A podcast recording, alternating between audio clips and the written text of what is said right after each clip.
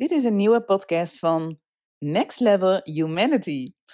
En ik realiseer me net dat dit de eerste podcast is na onze naamswijziging. Dus normaal zei ik altijd The New Business Women. En dat is dus nu Next Level Humanity. Daar gaan we ook nog een podcast over opnemen. Over hoe we tot dat besluit zijn gekomen. Goed, nou, mijn naam is Kristal. En in deze podcast wil ik je meenemen in het proces dat ik doormaak na het overlijden van mijn vader. En ik heb even getwijfeld of ik hier wel een hele podcast over zou wijden, omdat ik, nou ja, best wel veel al heb gedeeld voor mijn gevoel, omdat ik door veel lagen heen beweeg de afgelopen tijd. En op een gegeven moment kwam mijn innerlijke criticus en die zei: Ja, komt ze weer aan met haar verlies. maar toch als ik zo erin zak en erin land, als ik dan zie naar de, als ik dan kijk naar de bijzondere gesprekken en ontmoetingen die ik de afgelopen maanden heb gehad, want dat is wat, ze, wat een verlies überhaupt vaak creëert, hè? dat je echt op een andere manier met, nou ja, gesprekken ingaat, dat je ineens in contact komt met mensen die hetzelfde hebben doorgemaakt en ja, die je dan net wat kunnen zeggen of een invalshoek hebben, omdat ze bijvoorbeeld al een aantal stappen verder zijn, die dan ontzettend helpend is. En toen dacht ik, ja, ik ben natuurlijk niet de enige met een verlies. En in mijn geval is het het verlies van mijn vader op uh, eh, 17 oktober. Maar ja, het heeft, als je kijkt naar rouw, ben ik er wel achter dat dat niet alleen dan gaat over ja, verlies van iemand. Het kan natuurlijk ook rouwen zijn om iets anders wat je bent verloren of wat er misschien wel nooit gaat zijn.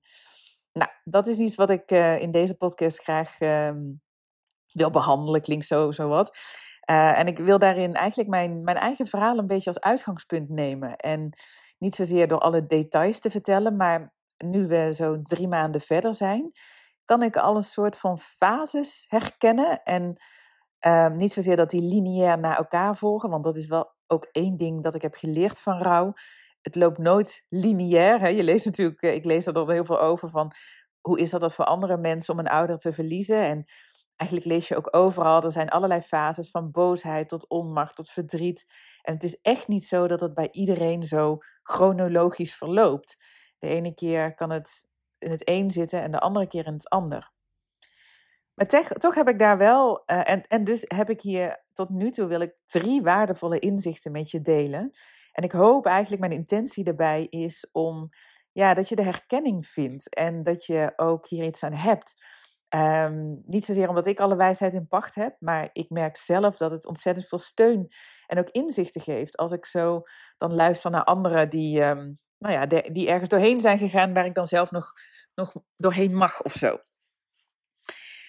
Goed, dus ja, om je even wat context te geven, is dat ik, um, uh, mijn, mijn ouders die zijn al een jaar of, even kijken, 30 jaar, ja, een jaar of 30 gescheiden.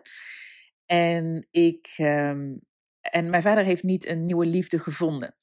Dus dat betekende dat ik als oudste dochter, um, samen met mijn broer, was ik mantelzorger voor hem. Hij woonde alleen.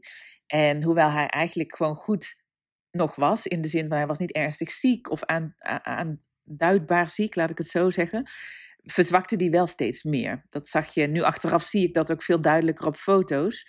Maar ja, als je iemand echt elke dag ziet, bij wijze van spreken, dan ja, dat, ik had het eigenlijk niet zo in de gaten dat hij al wel een aantal maanden steeds dunner werd. En ja, dat hij eigenlijk ook best wel wat tekenen eigenlijk gaf dat, dat het misschien een aflopende zaak was of zo. En uh, toch was het wel een, een, een, verrassing, omdat hij in augustus uh, werd hij voor het eerst opgenomen met hartritme falen, of stoornis, pardon. En hij kwam ook weer goed uit het ziekenhuis. En toen is hij eigenlijk, eigenlijk na drie weken zag ik dat hij na de terugkomst uit het ziekenhuis dat het niet beter ging met de medicatie. En uiteindelijk na drie weken heb ik hem eh, naar het ziekenhuis gebracht. En toen kreeg hij er een longontsteking bij. En heeft hij tien dagen in het ziekenhuis gelegen. Waarbij ze eigenlijk niet konden zien waar het nou precies de kern zat. Want het een beïnvloedde het andere. Dus hij had een longontsteking, maar hij had ook een delier, dus dat je heel erg verwacht bent.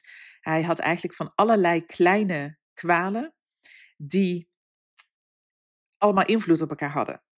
Dus het was ook niet zo makkelijk om aan de ene knop bij wijze van spreken te draaien. Bijvoorbeeld, hij had meer vocht nodig in zijn lijf. Maar dat kon eigenlijk niet. Want hoe meer vocht hij kreeg, hoe meer hij dan weer benauwd werd. Dus dat was dan zo'n scenario die het best moeilijk maakte om elke keer de juiste keuze te maken. En ik ben de mensen in het ziekenhuis wel ontzettend dankbaar, want mij en mijn broer als, ehm, en mijn moeder ook, die is ook erg betrokken geweest, we werden wel enorm betrokken. En ze zeiden ook eerlijk van, we weten het gewoon niet goed, want het een leidt naar het ander en andersom. Dus ze namen ons helemaal mee in dat proces. En dat betekende dus dat ik echt het gevoel heb gehad dat ik elke dag als soort van alert mocht zijn om niets te missen. En aan de ene kant is het natuurlijk heel fijn, want nu in het verwerkingsproces merk ik hoe fijn het is dat ik bij elk moment erbij ben geweest. Ik zie ook wel, of ik spreek ook wel andere mensen waarbij bijvoorbeeld de partner of de ouder ineens overleden was. En dat ze bijvoorbeeld niet bij dat proces betrokken waren geweest, dan, ja, dan moet je toch de gaten gaan opvullen in je geheugen of in je systeem wat er gebeurd zou kunnen zijn. En juist dat is vaak ja, waar je zoveel behoefte aan hebt na zo'n groot verlies. Dus daar ben ik heel dankbaar voor. Maar aan de andere kant merkte ik ook dat dat wel een plek kreeg in mijn systeem nadat hij uiteindelijk was overleden. Dus dat betekende dat ik eigenlijk heel vaak de, de cirkel in mijn hoofd afdraaide. En ik kwam erachter dat ik onbewust, na een paar weken, was ik dus elke keer dat verhaal en dat scenario was ik in mijn hoofd aan het afspelen, wat er allemaal was gebeurd. Ik was het op aan het schrijven, al dat soort dingen. Dat zul je misschien herkennen als je een soort gelijk, gelijk iets hebt meegemaakt. En ik zag het ook wel bij andere mensen die ik eerder al, die eerder al een verlies hadden meegemaakt, die dan elke keer in hetzelfde rondje gingen en dat verhaal steeds wilden vertellen. Dat ik zelfs mezelf al af en toe een keer betrapte op, ja, dat verhaal, dat is zo, dat kun je toch niet meer veranderen. Even heel kort door de bocht. Maar nu ervaarde ik dat natuurlijk zelf, dat dat echt onderdeel is van het proces om dingen een plek te geven. En toen ik daar zo mee bezig was, een aantal weken, toen in november of zo, toen voelde ik dat toen ik er echt voor ging zitten, gaf het me ook wat onrust. Steeds opnieuw dat verhaal in mijn hoofd afspelen. En toen ik eigenlijk op zoek ging naar die diepere lagen daarin, toen ontdekte ik dat daar een, ja, een dieper verscholen pijn of angst in te vinden was. En dat was voor mij het gevoel dat ik als het ware uh, ownership over zijn leven had gehad. En als ik het zo uitspreek, als je het uitspreekt, dat is vaak met dingen, dan voel je al hoeveel ja, onwaarheid hierin zit. Want het zou wel te gek zijn als je ownership hebt over iemands leven. Want een deel van mij in mijn systeem had, daar leefde dit. Maar een ander deel van mij, mijn ziel, als ik daarop afstem, ja, dan geloof ik natuurlijk dat iedereen een eigen pad heeft. En dat je je eigen pad te lopen heeft, hebt. En wat er ook gebeurt, hoe andere mensen daar ook van invloed op willen zijn, dat is, dat is gewoon hoe het de bedoeling is. Dus dat is ook een leuk samenstel vaak. Hè? Dat merk ik ook. Van, uh, mensen zeggen heel vaak, en dat was ik ook geneigd te doen, van ik heb het idee dat ik schuldig was. Of ik heb het idee, nou dat voelde ik trouwens zelf niet hoor, maar dat hoor ik dan van anderen. Of ik heb het idee dat ik het anders had kunnen doen. Maar dat is natuurlijk niet zo. Dat is mijn eerste inzicht meteen. Een deel van jou heeft het idee dat ze het anders had kunnen doen. Of een deel van jou heeft het gevoel dat ze ownership had over het leven van haar vader. En de vraag: heb ik het wel goed gedaan? Maar een ander deel van mij weet dat ik het juiste heb gedaan. En dat spelen tussen die twee delen, en misschien herken je dat bij jezelf ook, dat je heel vaak zegt: Ik voel dat zo, ik heb dat zo, ik voel me zo. Dat is niet helemaal waar. Een deel van jou voelt zich zo. Welk deel van jou voelt zich zo? Nou, het deel van mij dat zich zo voelde was de zorg, de zorgende, de zorgende vrouw, de vrouw die vaak op, het gren, op de grens zit van te veel verantwoordelijkheid voelen voor iemand anders, in dit geval mijn vader, en heel veel geven en het heel veel goed willen doen. Dus dat deel van mij resoneerde heel erg met: heb ik het wel goed gedaan? En dat vond ik op zich al een heel waardevol inzicht, want we doen wat we kunnen. En toen ik ook in eh, de laatste week op het ziekenhuis was, was mijn vader niet echt meer aanspreekbaar. En toen kwam ik op een dag binnen. En toen zaten we dus al een aantal dagen in, oké, wat moeten we doen? Wat moet, per uur zaten we het als het ware te bekijken. En ik sloop s ochtends vroeg zijn kamer binnen en hij lag te slapen. Het was muisstil in die kamer en de zon kwam een beetje op. Het schemerde zo. En ik ging voor dat raam staan en ik keek naar buiten over de, ja, over de stad heen. En ik denk dat ik daar zeker wel tien minuten heb gestaan. En op een gegeven moment toen merkte ik dat hij een beetje ontwaakte, dacht ik. Maar dat was niet zo. Het leek wel alsof hij in zijn slaap ja, een soort van uh, iets aan het beleven was. En ik stelde mezelf de vraag, eigenlijk stelde ik hem de vraag van, um, doe ik het allemaal wel goed? Want dan zit je zo in zo'n angstbubbel, dat zat ik in ieder geval. Dus met al die keuzes en beslissingen die we zouden kunnen maken, waarvan ik wist dat mijn vader helemaal op mij vertrouwde en leunde, vroeg ik me af, doe ik het wel goed? En ik heb zeker tien minuten zo gestaan. En ineens vanuit het niets antwoordde mijn vader: Ja, ik ben echt trots op je. En dat was zo gek, want het voelde alsof er een soort iemand in mijn gedachten aan het kijken was. Maar het voelde meteen ook zo kloppend, alsof ik echt al vanuit een andere dimensie contact met hem aan het maken was. Dat, um, dat, dat, dat was zo kloppend, dat moment zal ik nooit vergeten.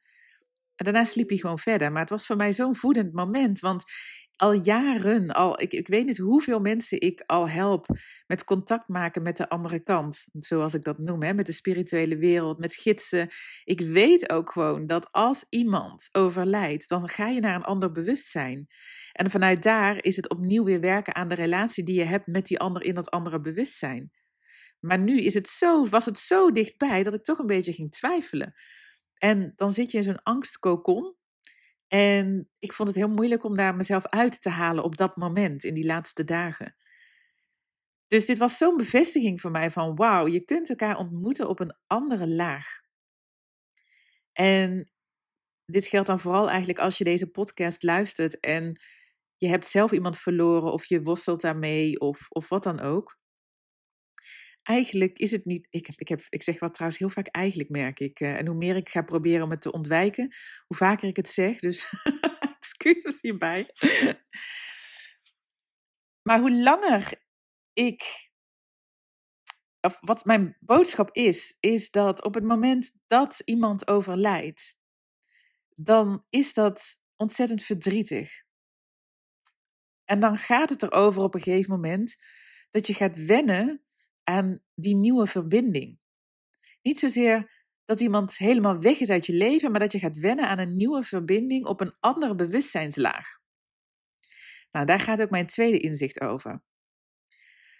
Want toen mijn vader was overleden en ik door dat huis van hem wandelde en we zijn het nu ook aan het verkopen, dan ga je natuurlijk door allerlei herinneringen, noem maar op. En het verdriet kwam ten volle binnen. Dat ik nooit meer contact kon maken. Dat ik nooit meer dat soort dingen. Dat soort gedachten gingen er allemaal door mijn systeem.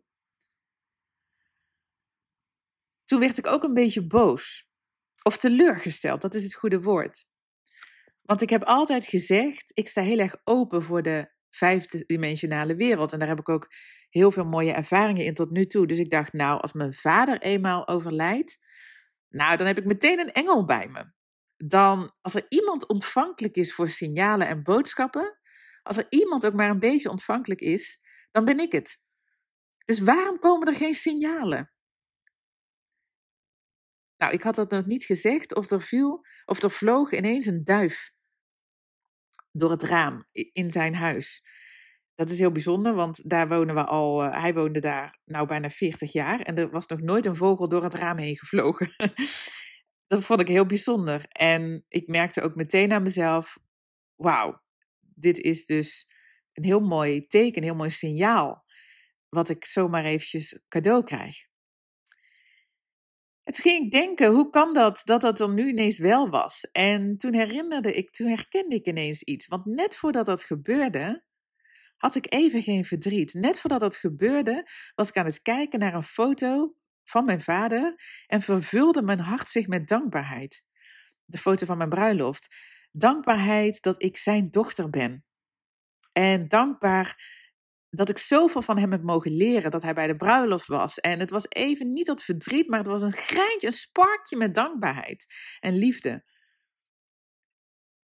dus mijn tweede inzicht is, hoe harder je verlangt of verdriet hebt, of een emotie eigenlijk in de weg staat tussen jou en die hogere frequentie. En die hogere frequentie, dat is die ultieme liefde, dat is dat bewustzijn, dat hogere bewustzijn. Hoe uitdagender het natuurlijk ook is om die signalen te ontvangen. Dus dat vond ik een hele mooie inzicht van mezelf. Het is helemaal niet wetenschappelijk onderbouwd of zo hoor. Of ik heb het nergens gelezen. Het voelt echt als mijn eigen waarheid. dus je hoeft er absoluut niet in mee als het voor jou niet klopt. Maar ik merk aan mezelf dat op het moment dat ik steeds weer opnieuw mag doorleven, het verdriet mag doorvoelen als dat er is, of, of het gemis of wat dan ook, als dat er echt mag zijn.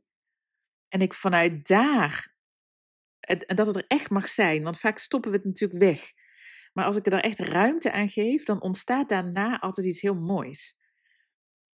Namelijk een nieuwe laag van liefde, zo zou ik het het beste kunnen omschrijven. En vanuit daar kan ik dus weer heel fijn contact hebben met mijn vader. En dat kan op allerlei manieren. Het kan zijn dat ik hem ruik. Het kan zijn dat ik gewoon weet dat hij bij me is. Het kan op allerlei manieren zijn.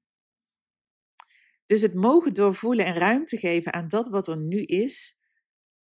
Het lijkt makkelijk, maar hoe vaak nemen we daar echt de tijd voor? Nou, dat is dus mijn derde, dat is waar mijn derde inzicht naartoe gaat. Mijn derde inzicht rondom dit proces is dat ik op een gegeven moment, in november was dat, een aantal weken na het verlies, toen voelde ik me ontzettend depressief. Echt down. En nou zijn we natuurlijk al een aantal jaar bezig met bezinning en betekenis vinden in dit leven. Eh, we helpen vrouwen met het vinden van hun purpose in life. En dat gaat voor ons veel verder dan werk. Dat gaat over echt waarvoor ben je hier op aarde als ziel. Eh, dat gaat over voldoening, zingeving vinden in dit leven. Dus daar heb ik zo waanzinnig mooie ervaringen in gehad. En daar ben ik ook heel dankbaar voor. Alleen in die weken na dat verlies van mijn vader, toen voelde ik iets heel sterks. En dat was dus dat down gevoel, dat zwarte schaduwgevoel. Die gedachten die ik had waren, wat heeft het allemaal voor zin? Misschien moet ik ook gewoon gaan. Uh, wat, wat als het, wat, voor mij mag het wel ophouden. Nou, en natuurlijk, hè, we zijn coaches. Ik ben coach en, of ja, ik ben niet, ja, wat ben ik? Whatever, weet ik niet wat ik ben. Maar ik heb in ieder geval al zoveel aan persoonlijke groei en ontwikkeling gedaan. Dat je dan met je hoofd echt wel kunt begrijpen dat dit niet goed is, deze gedachten. Dat dacht ik inmiddels. Dus ik sprak het uit naar Mabel en ik sprak het uit naar Rob. Wat voor donkere gedachten ik had. En voor mij was dit echt nieuw. Ik heb natuurlijk wel vaker vervelende gedachten, dat je niet lekker in je vel zit of wat dan ook. Maar zo diep voelen de zinloosheid van het bestaan. Want dat is het eigenlijk wat ik voelde. Wat heeft het allemaal voor zin? Ik ben er nu achter dat meer mensen dit hebben ervaren, of vaker ervaren, maar dat er best wel een taboe op ligt. Oprecht, ik had niet, ik, dit is de eerste keer dat ik dit zo voel. Dat maakte mij bang. En wat ik, doe, wat ik deed, was ik ging daar labels op plakken. Nou, het gaat echt niet goed met mij. Ik moet echt hulp hebben. Uh, wat word ik nou depressief? En daar gaat het fout, want op het moment dat je er labels op plakt, dan bepaal je eigenlijk een soort van lot, in plaats van dat je het door je heen laat bewegen. En een van de waardevolle dingen in de gesprekken met Mabel, in het gesprek met Mabel was wel van, oké, inderdaad, je mag hierbij ontvangen, je mag hulp ontvangen. Dus toen ben ik op een rouwretret gegaan. En dat was waanzinnig. Dat was bij uh, Jacqueline Chino, heet zij. En dat was zes weken na het verlies van mijn vader. Daar zaten mensen die met allerlei verlies te maken hadden gehad. En dat was thuiskomen en zo fijn. Ik vind dat altijd zo waardevol als. Ik, ik kies echt altijd dingen op basis van de persoon. En ik voelde bij Jacqueline al meteen een enorme warmte. En ja, de space om te mogen zijn, dat is het vooral. En dat is ook helemaal uitgekomen. Dus ik was bij haar en bij een hele prachtige groep dames. En daarin hoorde ik van andere deelnemsters dat ze dat gevoel van zinloosheid heel erg herkenden. En met andere woorden, ik kreeg volledige erkenning en dat mocht er gewoon helemaal zijn zonder dat er iets aangekoppeld werd. Zonder dat, daar dan, dat je daar iets dan mee moet. Eigenlijk next level in wat ik altijd zeg: emoties door je heen laten bewegen. Want op het moment dat je ruimte daaraan geeft, dan ontstaat er iets. En toen kon ik daar op die retret, voelde ik ineens een, een sprankje dankbaarheid en hoop. En dat zat hem in, oké, als ik dus zo diep dit kan voelen, dan betekent dat aan de andere kant er ook heel veel licht gaat zijn. Want donker en licht werken met elkaar samen. Het leven is alleen maar yin en yang. Het leven is donker en licht. En zo werkt het leven, zo zijn de natuurwetten. Dus als ik hier nu even mag zijn en ten volle dit mag ervaren, zonder daar een conclusie aan te hoeven verbinden, dan betekent dat dus dat ik vanuit daar straks naar een enorm licht mag bewegen. En dat vond ik zo fijn om te voelen op dieper level. En ik voel dat ik nu naar dat licht aan het toebewegen ben. En niet zozeer dat het een uitgesproken zaak is, zo van, nou, nu is het voorbij, nu, hè, dat er een doel aan zit, van nu is de rouw voorbij of whatever. Nee, helemaal niet. Ik heb nog steeds dagen dat ik, nou ja, extreme emoties ervaar en dat soort dingen. Maar uiteindelijk, wat wij al tien jaar teachen, uiteindelijk de onderstroom is liefde. We zijn allemaal zielen op weg naar huis. Daar komt nu, voor die gedachten komt nu ruimte voor die overtuigingen komt weer ruimte. Ik weet ook dat we allemaal zielen zijn op weg naar huis. Ik weet dat mijn vader in een andere dimensie zit, een ander bewustzijnslevel. En ik mag gaan wennen aan deze nieuwe verbinding samen. Ik mag gaan wennen aan hoe we nu in verbinding zijn en hoe ook niet. En ja, dit geeft eigenlijk in 20 minuten heel kort weer een soort top drie, want ik wil het even bij een top drie houden, omdat ik nog wel twee uur kan doorpraten hierover. Ja, een top drie waarvan ik hoop dat je er misschien iets aan hebt. Ja, dat is eigenlijk wat ik met deze podcast vooral uh, hoop. Dat je daar iets van herkenning in vindt. En dat we maar één ding hier op aarde te doen hebben. En dat is door het donker heen mogen bewegen. En vertrouwen op dat er onderstroom liefde is. En dat er altijd ook weer licht is en komt. En twee weken geleden had ik zo'n mooie ervaring tijdens een van onze programma's. Toen iemand aan mij vroeg: Wat haal je uit deze dag? En toen kon ik vol, met volle overtuiging zeggen: Ik kan genieten. Want ook dat verhaal, hè, wel of niet mogen leven, dat komt allemaal voorbij bij een rouwproces. Dat, daar ga ik nog een nieuwe podcast, denk ik, aan wijden. Wel of niet mogen leven. Hè? Nou, dat maar mogen genieten. Ik had, ik had het echt een paar weken geleden gewoon niet verwacht dat het nu. Dat ik, nu al, dat ik nu al zo'n moment zou mogen hebben. Dat ik echt een volle kon genieten. Ik dacht, ik kan nooit meer genieten, echt. Want wie ben ik om te genieten? Als hij het niet meer kan. Al dat soort gedachten. Dus alles bij elkaar zorgde dat ik, eigenlijk, dat ik nu op een soort nieuw fundament ben beland. Wat nog wel een beetje wankel is als het gaat over dit stukje. Ik voel me van binnen heel stevig en sterk. Ik heb weinig aandacht aan mijn lichaam besteed tijdens het traject, of traject, tijdens het proces met mijn vader. Dat is dan de valkuil, die ik onder andere in de supersterk traject van Suzanne Voigt heb ik um, deze zomer gevolgd. Daarin kwam ik erachter dat op het moment dat, het, dat ik veel ga dragen, of om anderen ga, ge of anderen ga geven, dat ik in een situatie kom waarin mijn kracht naar boven komt ook. Hè, dat ik veel kan dragen. Het eerste wat ik dan vergeet is mijn lijf. dus, dat is, uh, dus ik ben weer begonnen met krachttraining nu. Daar is ook heel veel ruimte voor nu. En ja, al met al gloort er gewoon uh, best wel wat licht. En dat is heel fijn. Maar ik ben ook dankbaar dat ik het donker, dat ik daar doorheen mag bewegen. Want dat voelt zo compleet en rijk nu. En dat gaat waarschijnlijk ons hele leven wel zo door. Goed, ja, dit lijkt me wel eigenlijk een mooi einde van deze podcast. Ik ben waanzinnig benieuwd wat je hieruit hebt gehaald voor jezelf.